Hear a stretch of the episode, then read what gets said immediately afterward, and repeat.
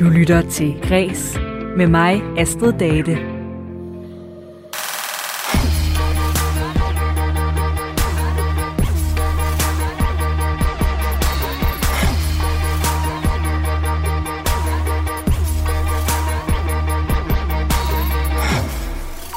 I kreds jagter vi for tiden de næste store stjerner i kulturen for at få en forsmag på, hvem den næste Thomas Helmi eller Mads Mikkelsen er.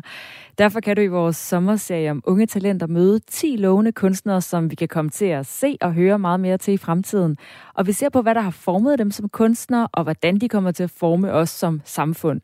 I dag skal det handle om Anna Jul, der nok er bedre kendt som den fiktive karakter Veronika Katinka. Det er en karakter, som opstod i den korte radiovis på Radio 24 og som hun både har udgivet en bog på vegne af, og lavede tv-serien Min Kamp på DR3 om en kvinde med skizofreni, som hun også selv lider af. I dag der skal vi også høre om et fænomen på videoappen TikTok, der har udviklet sig til at blive verdens hurtigste og største bogklub, og som samtidig startede et rigtigt bogmysterium på saxo.com. Mit navn det er Astrid Date. Velkommen til Kreds.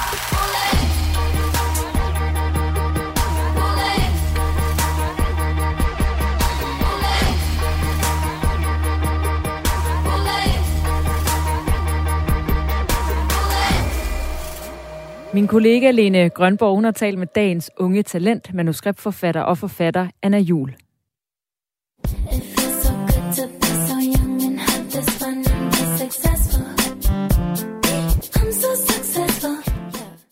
Du lytter til vores særlige sommerudgave af Kreds, hvor jeg i dag sender et afsnit af vores serie om unge kunstneriske talenter. Her på Græs, der har vi nemlig udvalgt 10 unge talenter, som vi tror på, og som vi regner med at skulle se meget mere til fremover. Men hvad er det, der har formet dem, og hvordan vil den her unge generation af talenter forme os som samfund? Det prøver vi at undersøge med serien. Og i dag skal det handle om den 28-årige Anna Jul. Under kunstnernavnet Veronika Katinka, der har hun lavet radio, skrevet en digtsamling og lavet en tv-serie på DR3. Alt sammen noget, der har forvirret anmeldere og kritikere, for hvad er op og ned i den her leg med identiteter? Anna Jul, hun er desuden en ekstremt talentfuld manuskriptforfatter, der også godt kan lide, når kameraet peger på hende.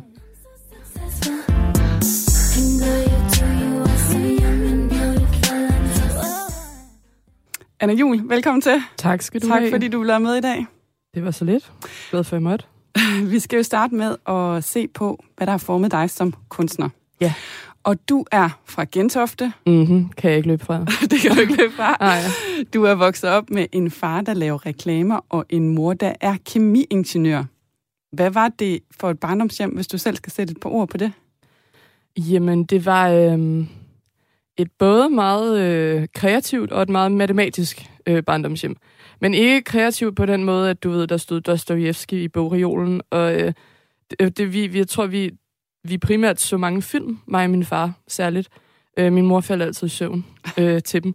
Det var heller ikke nogen specielt sådan gråhårede øh, franske arthouse-film, men det var sådan, hvad der lige var i Blockbuster. Øh, jeg har set rigtig mange film som, fra perioden sådan 2000 til 2010.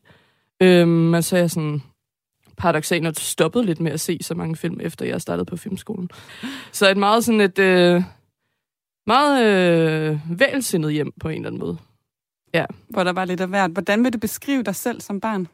Øhm, jeg vil nok, altså, hvi- hvis man deler den op omkring 12-årsalderen, så op til 12-årsalderen var jeg glad og tyk og øh, sådan rimelig velfungerende.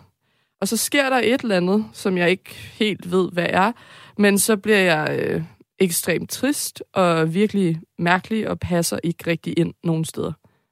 Øhm, det er ikke fordi, jeg op til 12-årsalderen var sådan den mest populære i klassen, men det gik trods alt sådan lidt bedre, jeg havde venner og sådan noget. Og jeg var aldrig sådan, jeg er aldrig blevet mobbet, eller jeg har altid været sådan, det er da lidt trist, når man er ekstremt vældigt, egentlig generelt, men og meget, meget populær, når der skal laves gruppearbejde. Ikke så populær, når der skal holdes fest.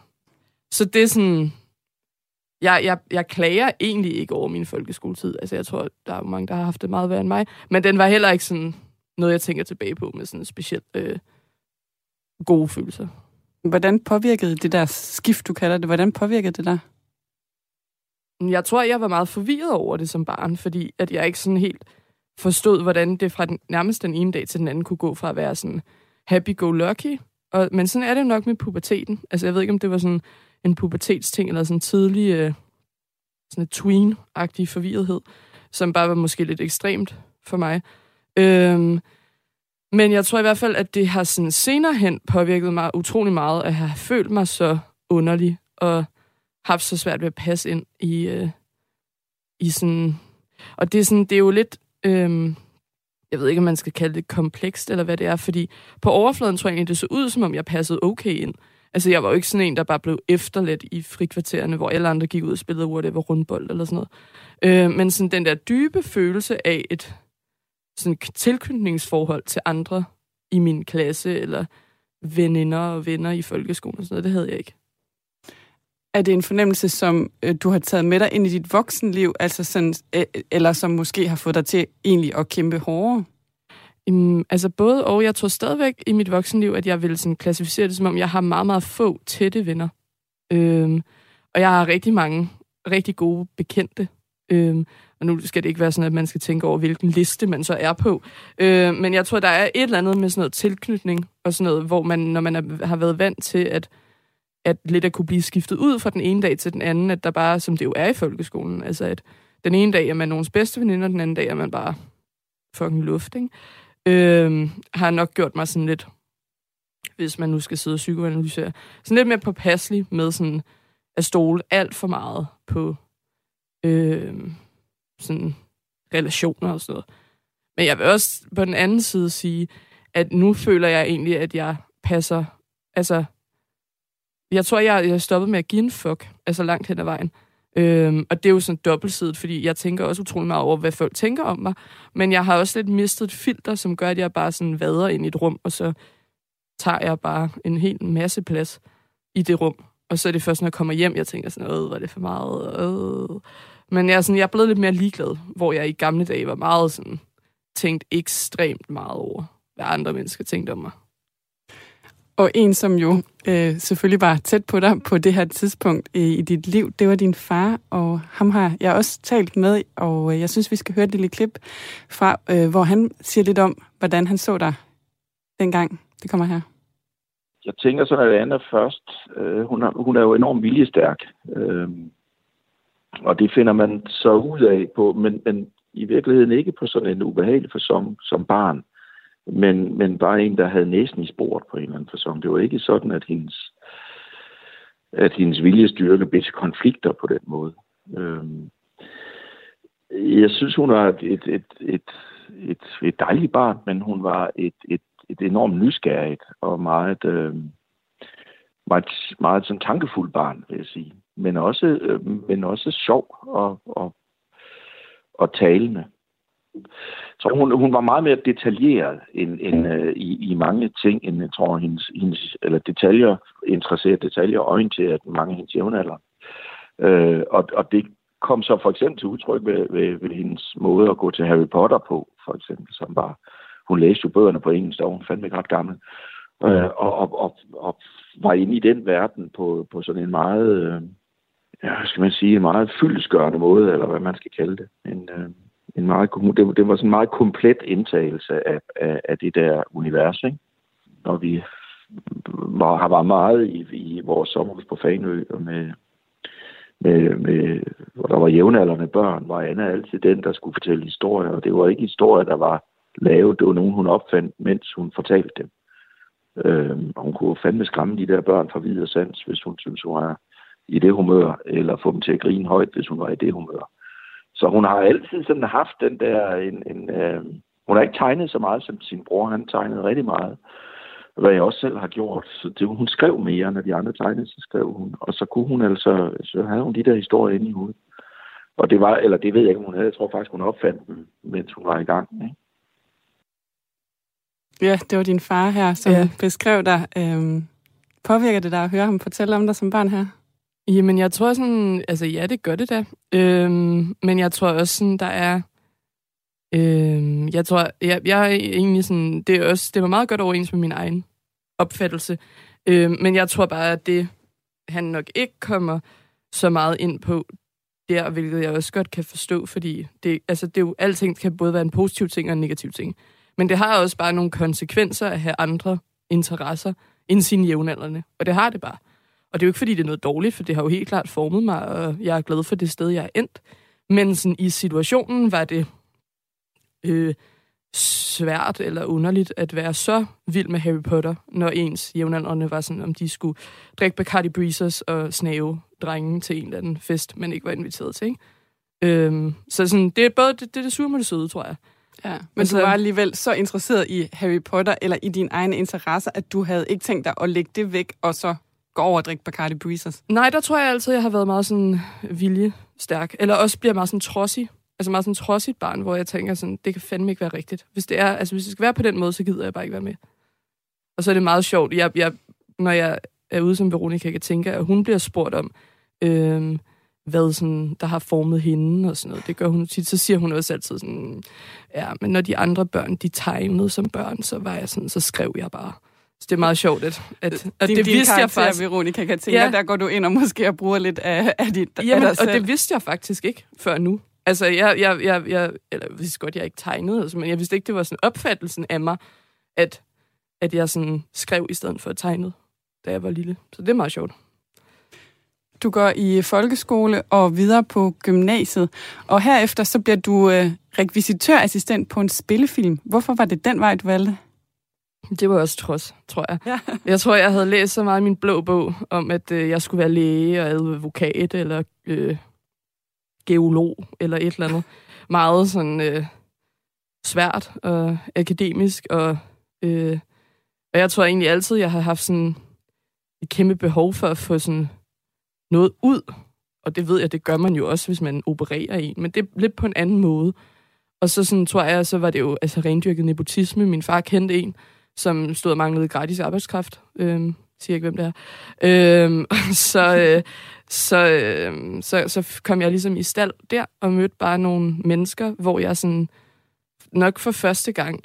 Øh, ej, ja, det var også, jeg mødte nogle dejlige venner i gymnasiet, som jeg faktisk stadigvæk hænger ud med. Men sådan, på sådan en mere generelt plan at træde ind i sådan et arbejdsfællesskab, eller et større fællesskab, øh, hvor jeg egentlig følte, at der var sådan mere plads på en eller anden måde, eller der var sådan et højere til loftet, og det hele handlede ikke om, hvem der havde fået 12 i hvad, og øh, hvem der skulle læse HA almen, eller hvad det hedder, på, noget på CBS og alt sådan noget. Øhm, det var mere sådan chill, altså hvem der manglede cigaretter, hvem der skulle købe ned, køre ned og købe cigaretter, hvor den der udstoppede rev skulle stå hen og sådan noget. Det var meget lavpraktisk på sådan en ret sjov måde.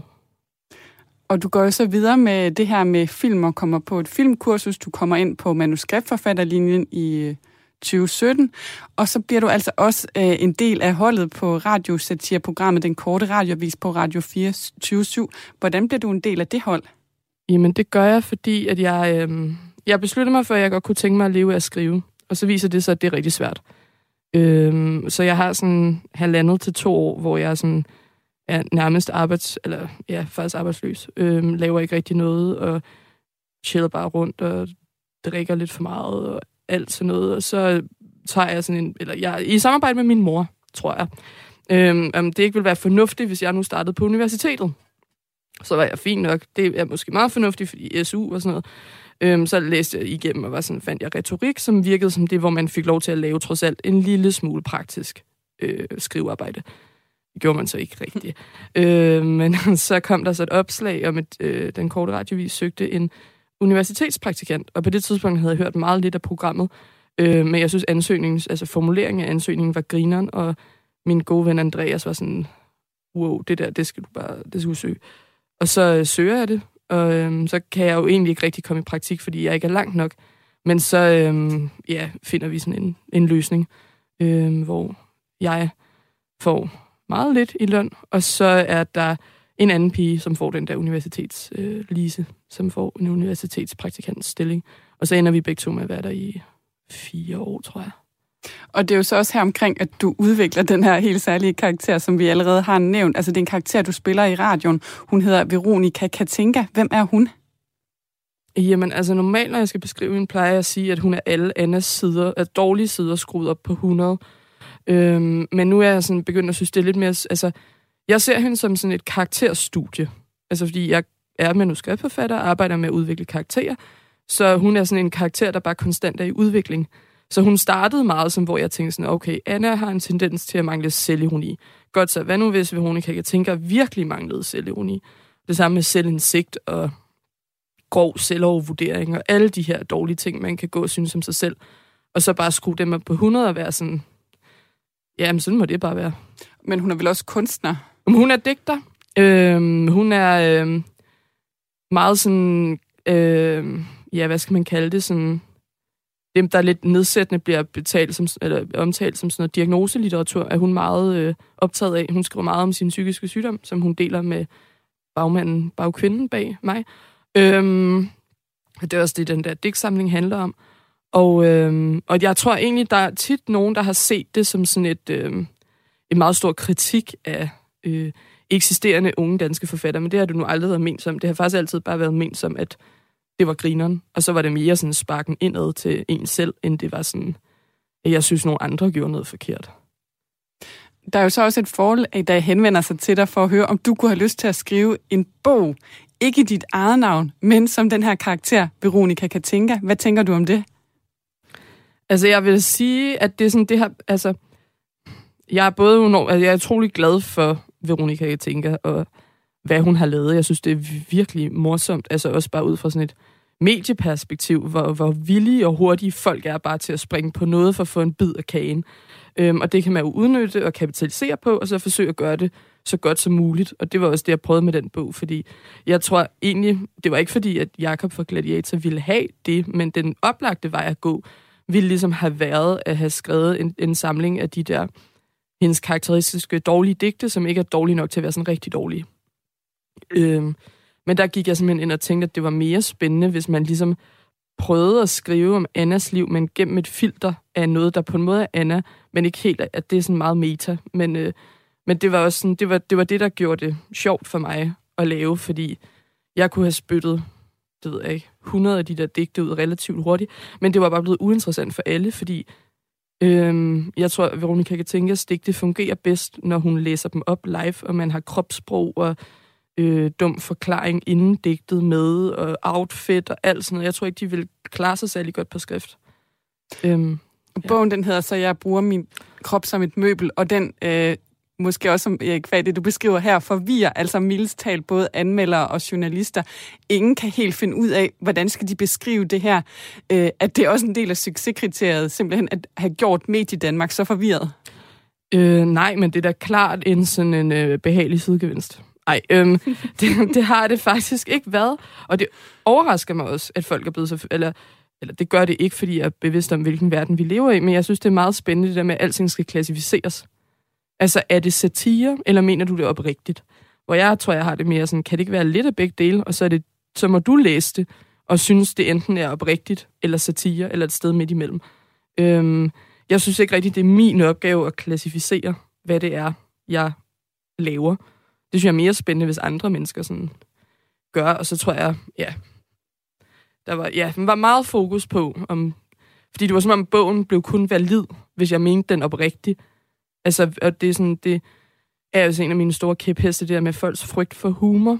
Altså meget bange for, at hvis noget bliver lidt sjovt, at man så ikke kan mene noget seriøst.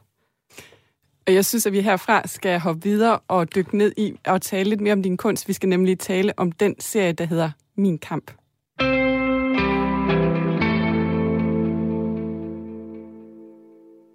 Du lytter til Kreds på Radio 4. Jeg hedder Line Grønborg, og jeg står her med dig, Anna Jul, manuskriptforfatter, forfatter, skuespiller. Du er en del af vores sommerserie om unge talenter. Og vi har lige talt om, hvad der har formet dig, og nu skal vi tale lidt videre om dit arbejde. Vi skal nemlig tale om den serie, der hedder Min Kamp på DR3, hvor du så spiller den her karakter, vi lige er kommet rundt om, Veronica Katinka.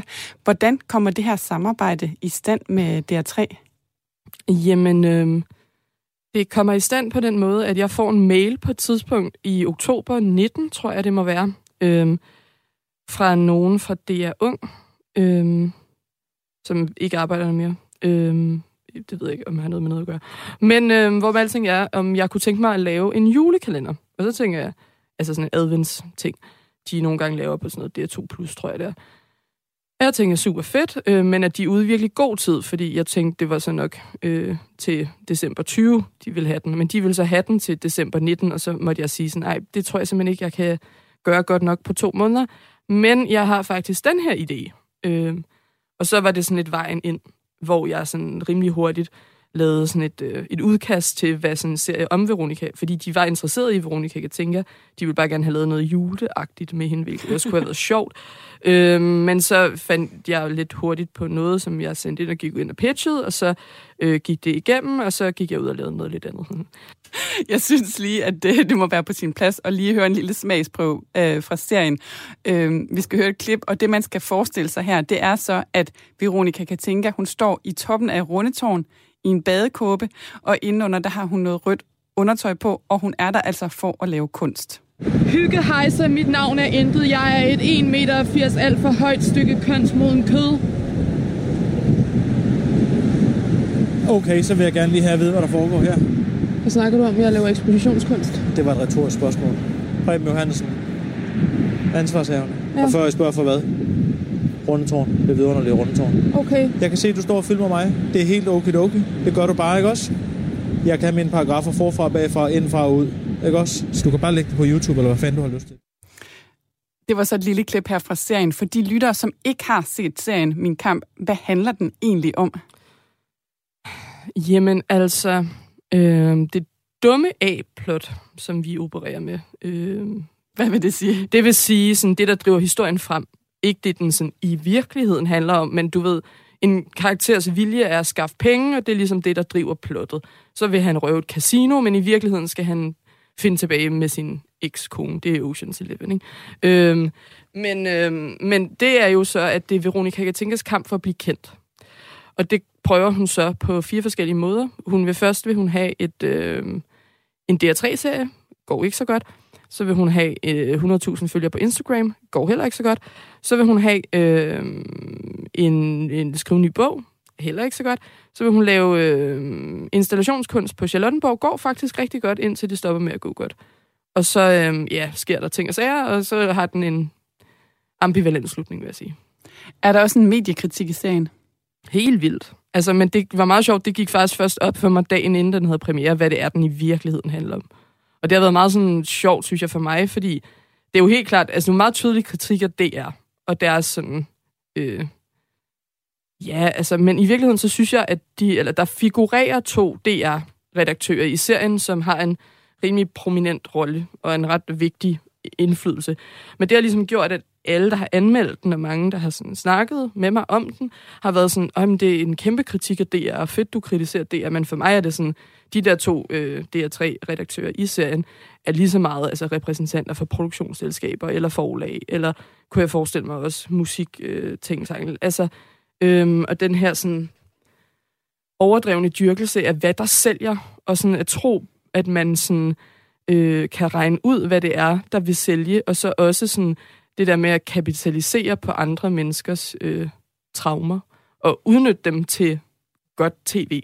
Og så er den jo så ambivalent, fordi at det er jo præcis det, Veronica kan tænke, ender med at gøre. Altså lade sig udnytte og få så succes på den bekostning. Så det er sådan, det er jo lidt, hvad jeg selv har oplevet, og jeg er jo ikke blåøjet. Altså jeg ved jo godt, at jeg har nyt godt økonomisk og øh, omtalemæssigt af at have udbasoneret private ting om mig selv, som også er blevet samlet op og dyrket øh, til en, en ret vild grad.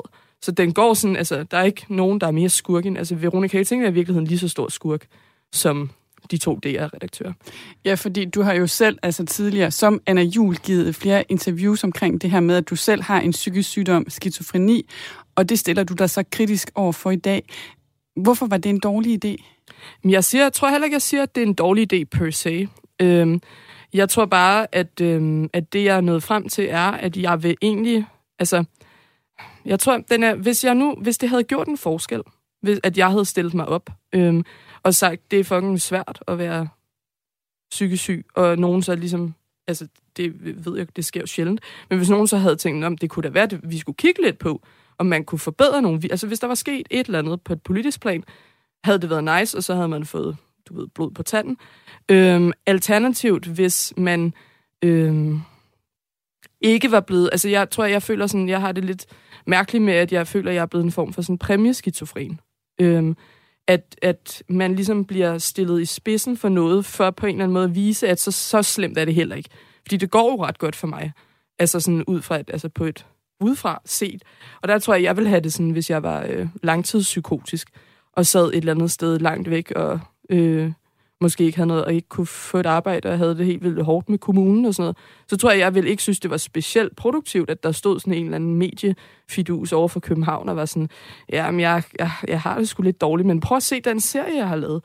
Øhm, og så det, jeg tror, jeg er blevet meget sådan, øhm, har tænkt meget over det øh, efterfølgende.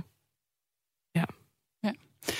Hvis vi vender os mod karakteren Veronica Katinka her i serien Min Kamp, hvordan arbejder du med hende som karakter?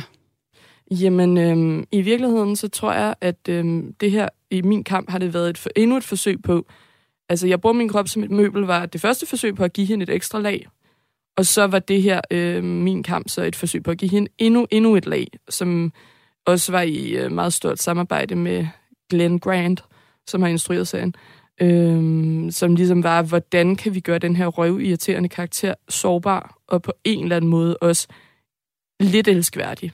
Og det var, øh, det var, sådan, det var et ret, en ret spændende proces. Øhm, fordi der er bare noget med, at sådan helt karakterteknisk, at det er meget svært at holde ud og kigge på en virkelig usympatisk hovedkarakter, hvis ikke man på en eller anden måde forstår, eller får forklaret, eller et eller andet, hvor det kommer fra.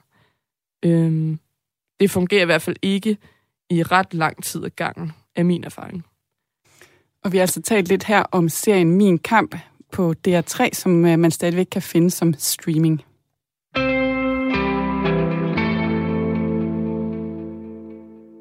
Vi er i gang med vores sommerserie om unge talenter i kreds her på Radio 4. Jeg hedder Line Grønborg, og jeg taler med Anna Jul, manuskriptforfatter forfatter og skuespiller. Vi har i dag set på, hvad der har formet dig som kunstner, men vi skal også tale om, hvordan du vil påvirke os som samfund, og hvor du ser dig selv bevæge dig hen i fremtiden. Så lad mig starte med at stille det store spørgsmål. Hvilket aftryk vil du gerne sætte på verden? Det er et stort spørgsmål. det ved jeg. Øhm, altså i virkeligheden tror jeg, at jeg vil være øh, glad for at sætte bare et eller andet aftryk.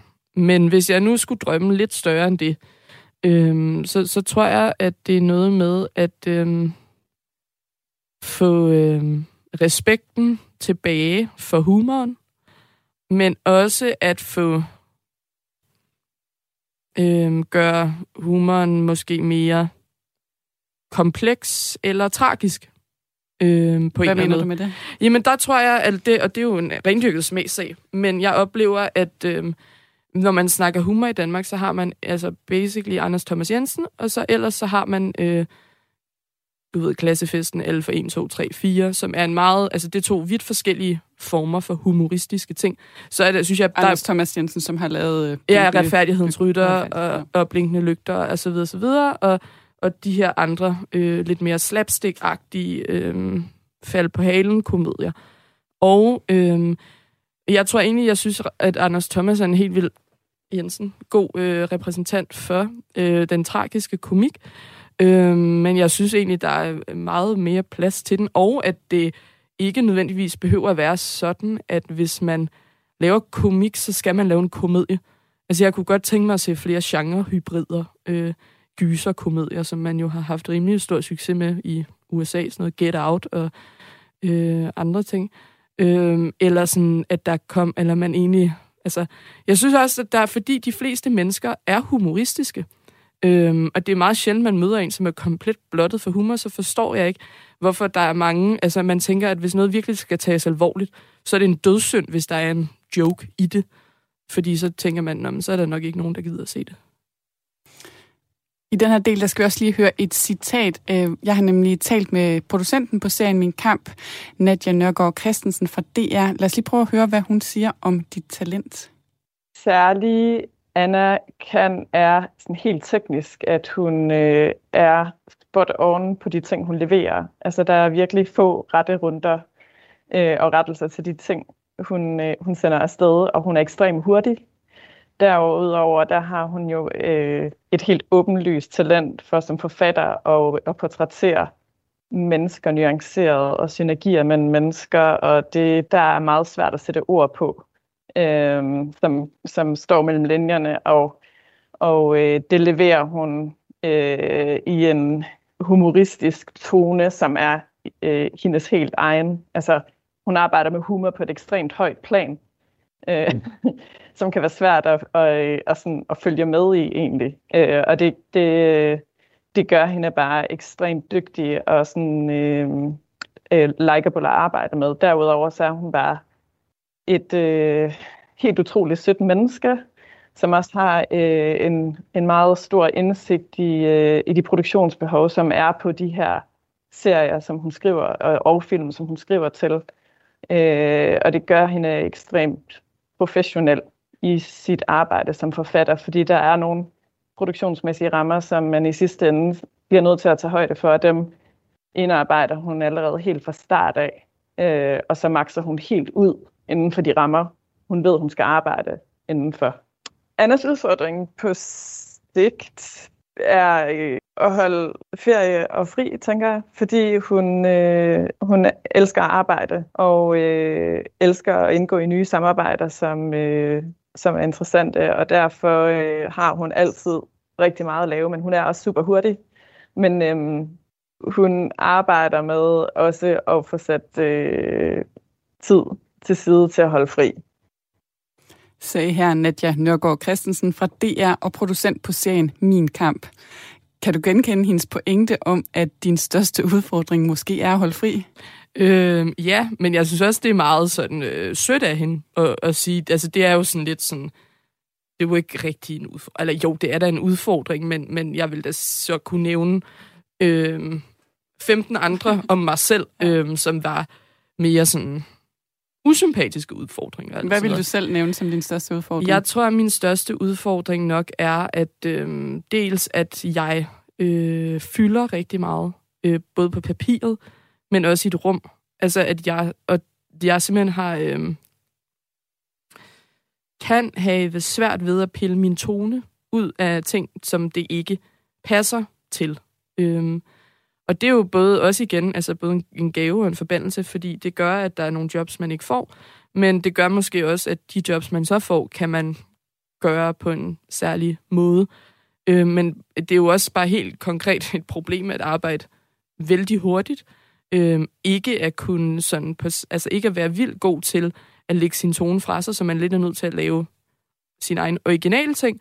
Men der er jo bare ikke plads til fire Anna Jul-serier om året, selvom jeg godt kunne nå at skrive dem. Og det tror jeg, jeg vil overflotte markedet, og så vil folk bare være ved at brække sig over mig. Så, så jeg bliver på en eller anden måde nødt til at holde noget mere fri. Men jeg kan bare ikke særlig godt lide det. Øh, hvad kan vi forvente af dig i den nærmeste fremtid? Jamen, øh, jeg har skrevet en øh, tv-serie til C, der lige pt. hedder Fantomforhold. Jeg ved ikke, om det er en arbejdstitel. Jeg ved ikke, hvor glade folk er blevet for den. Øh, den skulle have heddet noget andet før, men så skete der ting og sager. Øh, den kommer på et tidspunkt, jeg må ikke sige, hvornår, men i løbet af efteråret.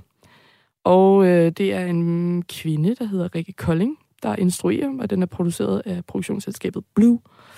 Øh, og den handler om øh, kærestesorg, øh, mere konkret om en kærestesorggruppe, øh, hvor man følger nogle forskellige karakterer, nogle forskellige breakups fra den her øh, sorggruppe.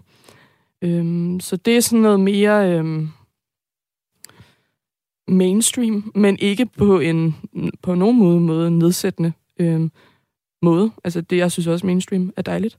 Øhm, jeg tror, den er mere bred, end min kamp er, fordi den netop også sådan, ja, alle kender jo fucking til kærestesorg, og det er jo en meget øh, demokratisk form for sorg. Altså den rammer jo alle på et eller andet tidspunkt, om du er ung, gammel, den ene eller den anden, seksualitet eller køn, eller altså alt muligt.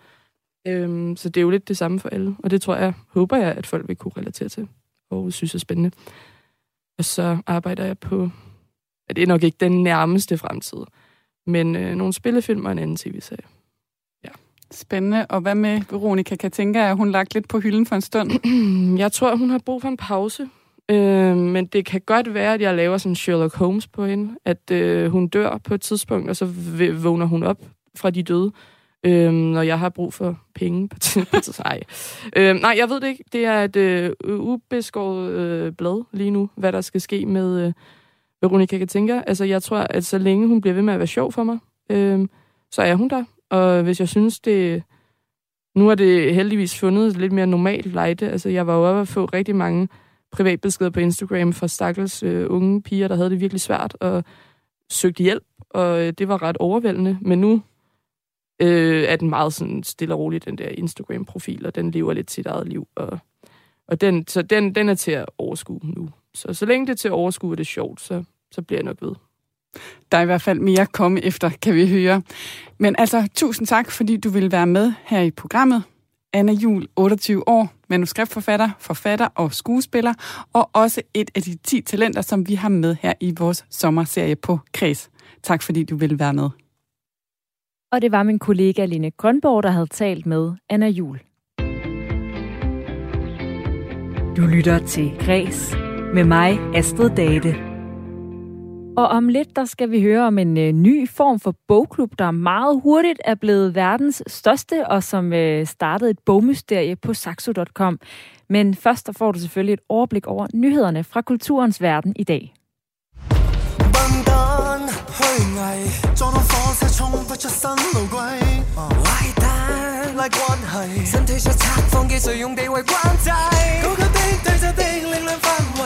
虛给位逼尾下跪，天规靠信仰打低。难情或习惯做一只 Hvis du sidder derude og synes, at det her det lyder da egentlig meget fedt, så kan det godt være, at du lige skal overveje, om det er noget, du rent faktisk vil dele med din kone. Bandet hedder Mirror, og det er et boyband fra Hongkong, og de skaber angiveligt ballade i ægteskaberne rundt omkring. Det skriver politikken. På Facebook er der oprettet en uh, gruppe, der hedder Min kone har giftet sig med Mirror og lagt mit ægteskab i ruiner. Gruppen er en øh, støttegruppe for mænd, hvis koner er helt vilde med boybandet, øh, som i øvrigt består af intet mindre end 12 medlemmer.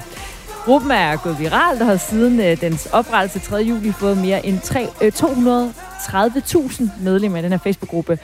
Og der deler mændene altså deres bekymring om, at det i den grad også går ud over deres økonomi, fordi konerne køber så meget merchandise fra det her popband, eller boyband. Det er en popbølge skyllet ind over Hongkong, og så er spørgsmålet bare, om der også kommer en skilsmissebølge med i kølvandet. Og vi skal blive i musikkens verden og det der med at smadre ting. London calling to the faraway towns. Now war is declared. and battle come down. London calling to the underworld. Come out of the cupboard, you boys and girls.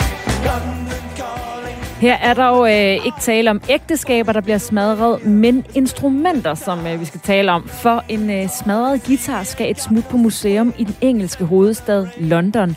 Fra den 23. juli vil Paul Simons ikoniske smadrede Fender Precision Bass være en del af den permanente udstilling på øh, Museum of London, det skriver The Guardian. Bassen blev faktisk smadret ved en koncert i New York i 1979, hvor The Clash spillede for, hvad Paul Simon synes var et uengageret publikum. Derfor hævdede han, at, øh, at han hævede den over hovedet og smadrede den ned i jorden, så den ja, i sagens natur gik i stykker. Og det var der en fotograf, der fangede på stedet, da han gjorde, og det er blevet sidenhen et cover på The Clash's album London Calling. Og nu er det altså også blevet en del af udstillingen omkring Londons historie. Den sidste kulturnød, den tager vi herhjemme, hvor restauranter og kroer ikke øh, må gøre det alt for sjovt at være ude og spise for tiden. Så kan de i hvert fald ikke lukke særlig mange gæster ind. Kulturbranchen har jo flere gange højlydt protesteret over de krav, der de, de ligger under for øh, i lyset af corona. Og et sted, hvor det er meget tydeligt, det er, at der er visse forskelle, når det kommer til f.eks. revyer eller andre kulturelle begivenheder. For når det gælder mad, jamen, så er der ikke længere nogen afstandskrav. Men når det gælder underholdning, så er der stadig krav. Det vil sige, at når man på Ganløse Kro har spisende gæster, så må de være 150 gæster. Men når aftenens revy har forestilling, øh, som begynder, som er det samme sted, ja, så må man kun være 75. Og det er altså noget, der frustrerer restauratør hos Ganløse Kro, Kenneth Funk Molander. Jeg synes ikke, det er fair. Vi har coronapas. Vi står og tjekker ved indgangen, så alle har et gyldigt coronapas, ellers så bliver de ikke lukket ind. Hvor er den politiske vilje til at lade, kuren, øh, lade kulturen leve? Vi har jo ikke diktatur i Danmark. Joy Mogensen kan jo ikke gøre det alene. Hun bliver nødt til at have en politisk opbakning til at lade kulturen leve. Du lytter til Græs med mig, Astrid Date. Hos Saxo.com, der har man det sidste halve år set nogle mystiske udfald i bogsalget, hvor gamle eller ukendte bøger meget pludseligt stryger til tops i øh, bogmarkedet og storsælger. Senest øh, i går var deres bedst sælgende bog en form for øh, notesbog, der hedder What I Love About You, hvor man kan udfylde forskellige spørgsmål om, hvorfor man elsker en person. Og det undrede dig, PR- og kommunikationsansvarlig hos Saxo.com, Lærke Jørs, hvorfor den meget pludselig er, er blevet en bestseller hos jer. Velkommen til Kreds. Tak skal du have. Men du har fundet kilden til øh, de gamle spøgelser på bestsellerlisten.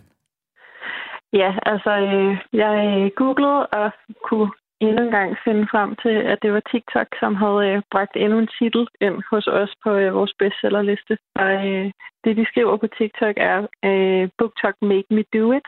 Og det er simpelthen den her øh, bogklub, som findes på TikTok, som er lidt uorganiseret, men som findes under hashtagget hashtag BookTok øh, hvor at der er rigtig, rigtig mange, der deler deres læseoplevelser. Og lige nu er det den her øh, notesbog, som hitter, og det går simpelthen ind med det samme hos os og øh, giver et udsalg på vores salgslister. Ja, det er altså et fænomen på videoappen TikTok, øh, som jo måske mest er kendt for sjove, korte videoer med danse eller nuttede dyr, men så nu er I i gang med at starte, eller har startet et stort fællesskab af bogelskere i hele verden, ikke? hvor især børn og unge under hashtagget BookTok deler deres anbefalinger eller reaktioner på bøger, de læser. Øh, jeg har også et eksempel på nogle videoer fra den bog, du snakkede om fra i går, What I Love About You, som der er 8 millioner hits på, hvis man søger på den på TikTok.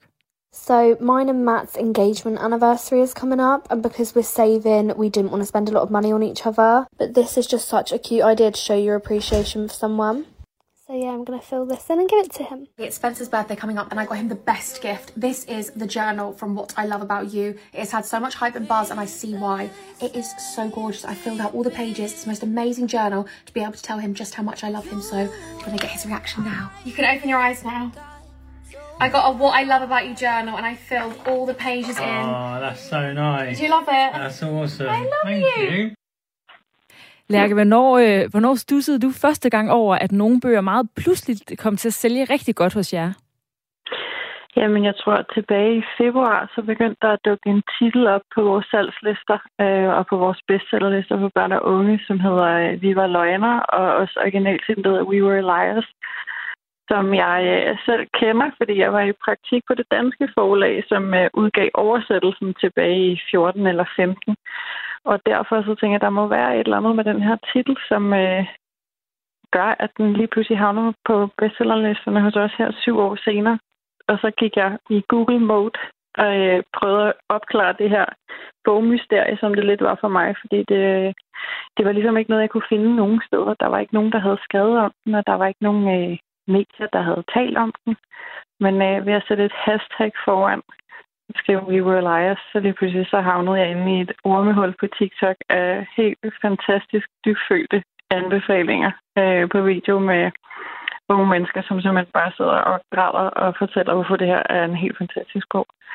Og lige pludselig så havde jeg jo så svaret på mit mysterie. Det var simpelthen BookTok, som havde øh, sat gang i det her salg hos os. Og senere hen har det vist sig, at det er simpelthen et verdensomspændende fænomen, som bare bliver ved med at, øh, at rulle og hele tiden gør, at der er nye titler, øh, nye ældre titler, kan man sige, som lander inde øh, på vores toplister.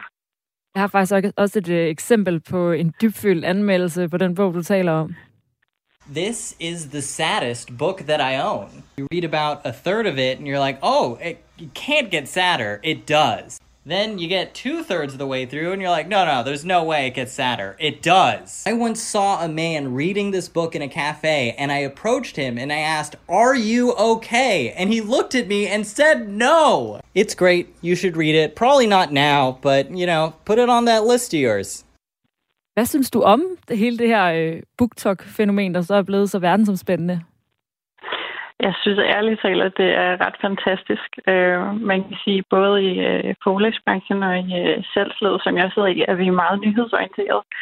Øh, men vi er også meget orienteret mod en yngre målgruppe, som er super svær at ramme. Øh, og vi har i mange år i forskellige undersøgelser og analyser fået at vide, at læselysten især blandt unge er dalende.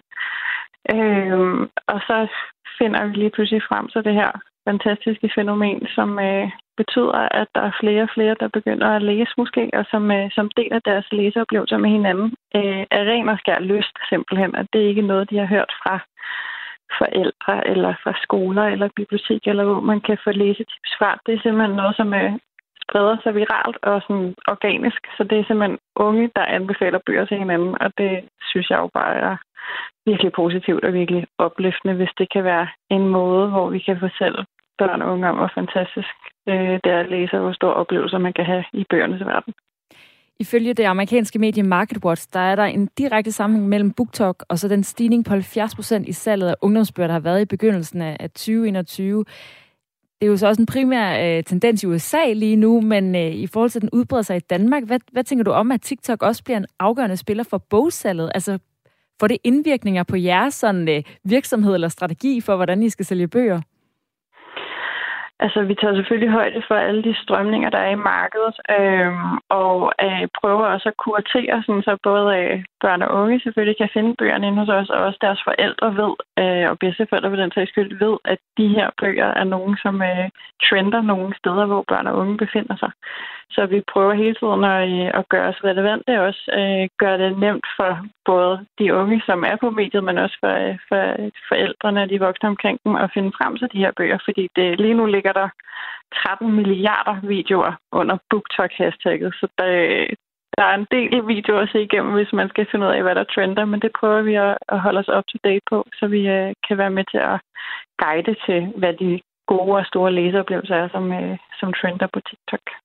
Og er det en ny måde for jer at, øh, at finde ud af, hvad I skal putte på forsiden af jeres øh, hjemmeside? Du sagde før, at I har været vant til at følge meget nogle nyhedsstrømme, hvor nu er det måske også lidt nogle, ja, mere eller mindre tilfældige bøger og ældre bøger, som du også siger, der lige pludselig trender og øh, er dem, som øh, folk vil have fat i? Altså, vi er selvfølgelig øh, nyhedsorienterede, men vi er også i høj grad efterspørgseldrivende. Øhm, så at det er TikTok, som lige nu gør, at der sker en masse på øh, især det engelske bogsalg, det er, det kan man sige, det er en måde, øh, interessen kommer fra. Andre gange så kommer det, hvis der kommer en super flot øh, anmeldelse i Dansk Dagblad, eller der er vildt mange interviews rundt omkring på øh, de forskellige medier, så det er egentlig jeg tror ikke, det ændrer så meget på, hvordan vi arbejder. Det er bare en, en ny kilde til inspiration for læserne. Så øh, på den måde, så øh, tager vi selvfølgelig højde for, hvor det er, folk befinder sig, hvad, hvor interessen opstår. Men øh, vi arbejder med bøgerne på samme måde, men det er jo selvfølgelig også en anden målgruppe, vi skal ramme den her gang, end ligesom klassisk rammer.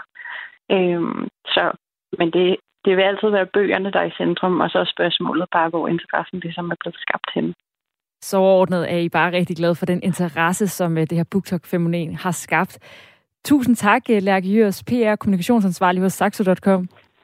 Det er også lidt.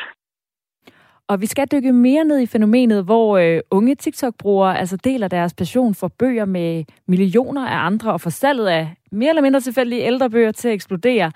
Nicoline Rasmussen, du har været øh, bogblogger eller litteraturformidler i over 10 år og har selv prøvet formatet på TikTok. Velkommen til Kreds. Tak skal du have. Ja, det er rigtigt. Dit øh, primære medie, det er Instagram-profilen Anne Nicoline hedder den, hvor du deler indhold om bøger og læsning, men du har også prøvet det af på TikTok og lavet videoer under det her hashtag BookTok. Hvad lavede du der? Jamen, det var lidt det samme, som jeg gør nu på Instagram øh, i Reels. Det var alt fra ja, altså specifikke øh, bøger, der blev anbefalet, til, øhm, hvad skal man sige, læsesituationer, hvor, hvor læseren kunne sidde og sige, øh, oh my god, det er mig det der, eller jeg kender godt den følelse, eller det her er virkelig øh, relaterbart. Og hvordan var det anderledes på det tidspunkt på BookTok, end det er at dele indhold om bøger på andre sociale medier? Jamen altså, det her videoformat er jo helt vildt interessant, fordi det giver nogle nye muligheder, øh, både sådan i forhold til at skabe indhold øh, privat, men også i, i arbejdsregi. Øhm, det er en måde at, at udtrykke øh, sin personlighed på en anden måde end gennem billeder og tekst. Øh, det giver mulighed for at være kreativ, og, øh, og det, det er sjovt. Og den story, der ligger på din Instagram, øh, Instagram-profil i dag, vil du ikke lige fortælle, hvordan den er? Så har jeg musikken fra den, men man kan jo øh, af god grund ikke lige se den sådan radiofonisk. Men øh, hvad er det, du har lagt op i dag, for eksempel? Jamen, jeg har lavet en reel, som handler om følelsen af at gå på bibliotek og blive taget imod med åbne arme, eller bare det at vise sin enormt fine bogsamling frem til, når man har gæster, for eksempel. Øhm, og så har jeg brugt det her lydklip, som, øh, som du, du taler om nu. Her. Welcome to the internet. Have a look around. Anything that brain of yours can think of can be found. We've got mountains of content, some better, some worse. If none of it's of interest to you, you'd be the first. Og der, der har du så lavet en video, hvor du står med nogle øh, bøger i hånden og mimer teksten med. Ja, lige præcis. Hvad tror du, der gør, at øh, BookTok er så po- populært? Jamen igen, jeg tror, det er en måde at samles på. Øhm, det, her, altså, det at være læser er jo egentlig relativt ensomt. Det er jo noget, du gør alene. Det er jo ikke ligesom øh, en sportsgren som fodbold eller håndbold, hvor du samles en masse. Her gør du det alene. Og jeg tror, at, øh, at BookTok og TikTok har været med til at samle de her øh, læsere og give dem et rum at være i at dele passion, dele læseglæde og anbefalinger med hinanden. Kan man godt kalde BookTok for en meget stor bogklub? Ja, det synes jeg godt, man kan. Altså, det, det er jo lidt de rammer, der er for det. Øhm, ikke, at man nødvendigvis læser den samme bog øh, og gør det, gør det sammen. Men øh, det, altså, det samler helt sikkert nogle mennesker, øh, som, som netop kan, kan dele den her bogglæde med hinanden. Og der har jo fandtes øh, bolig, øh, bogblogger og profiler på Instagram og altså hvad andre, hvad kan man sige, digitale miljøer, hvor man også kunne dele glæden fra, fra at læse. Hvorfor er det, at, at den her form har en sådan ekstra god effekt? Du har også overført stilen fra TikTok med de her små videoer til din egen Instagram-profil. Hvorfor er det, det virker så godt? Jamen igen, jeg tror, det er en mulighed for at vise en, en altså det er en anden måde at formidle litteratur på, på en personlig måde, som sikkert også godt kan, kan fremme i billeder og skrift, men, men ved at kunne synliggøre det, kan du gøre det meget mere konkret. Øh, der er mange flere muligheder i forhold til sådan at lege med formater og mime, dannelse, hvad du nu øh, har lyst til at gøre. Hvad kan det for eksempel være? Jamen, altså det kan jo være som, som den, jeg har lagt op i dag, hvor, hvor jeg egentlig mimer til et lydklip, der ikke har noget som helst med bøger at gøre, men som ligesom bliver, bliver brugt til det, øh, og i tale sætte den her læseglæde. Så der netop er nogen på den anden side af skærmen, der sidder og tænker, nej, det her det kan jeg godt relatere til. Det er så meget mig. Og udover at være litteraturformidler på Instagram, så er du også både redaktionskoordinator og personlig assistent for forlagschefen på Carlsen Puls, der er Danmarks største børne- og ungdomsforlag. Er hele den her BookTok-trend også noget, I tænker med i jeres arbejde der? Det er i hvert fald noget, vi er opmærksom på, fordi det fylder jo mere og mere, som, som Lærke også nævnte tidligere. Øhm, så det er selvfølgelig noget, vi er, vi er klar over, det er noget, vi, øh, vi fokuserer på også. Det er jo primært en øh, tendens i USA lige nu. Tror du også, at vi kommer til at se mere af den type litteraturformidling her i Danmark? Det tror jeg helt sikkert. Øh, specielt fordi det netop er noget, som er sjovt at lave. Øh, alle kan ligesom være med på, på øh, egne vilkår. Så det tror jeg bestemt. Og vil du ikke forklare lidt mere, det, hvad, er det, der, hvad, er det, hvad er det, det har ændret? Hvad er det, der er sjovt? Bare hvis man nu ikke har været en, der har fulgt nogle øh, bogblokker, og du siger, at man er kreativ. Hvad er det, der er anderledes ved den måde at formidle litteratur på på BookTok, end hvad man hed til at have set? Jeg tror, det, er nu, altså, det giver mulighed for at nå bredere ud. Dels fordi det er noget, som Instagram øh, og øh, TikTok for den sags skyld prioriterer helt utroligt højt. Øh, og derfor så skubber de det også ud til mange flere mennesker end et, et almindeligt billede, en almindelig video eller, eller bare et tekstopslag. Øhm, så det giver nogle muligheder for virkelig at, at nå ud til andre mennesker, som, som man deler de her passioner med.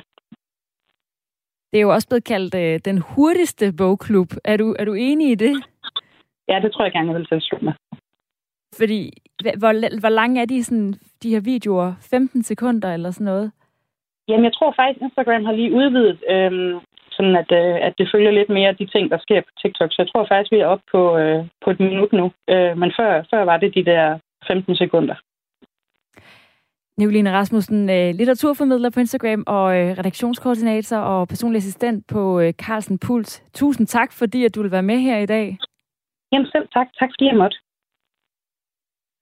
Og man kan altså øh, finde Nicoline Rasmussens øh, Instagram-profil, hvor hun blogger om bøger og også som hun fortæller laver indhold i virkeligheden og laver øh, nærmest noget, man kan betegne som øh, memes eller øh, små øh, sketches i, i henhold til læsning og bøger generelt. Og det kan man på hendes Instagram-profil, der hedder Anne Nicoline. Og det var alt, som øh, jeg havde til dig fra Kreds for i dag. Tak fordi du lyttede med. Programmet her, det var øh, lavet af Lene Grønborg og mig selv. Mit navn det er Astrid Date, og øh, jeg er tilbage igen i morgen, samme tid, samme sted. Her der kommer der et nyhedsoverblik.